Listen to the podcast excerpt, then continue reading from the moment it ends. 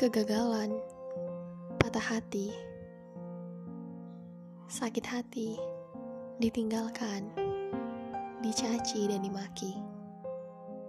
Datang kepada siapa saja yang sedang berdiri di atas kehidupannya. Mari kita bercerita di catatan asa ini.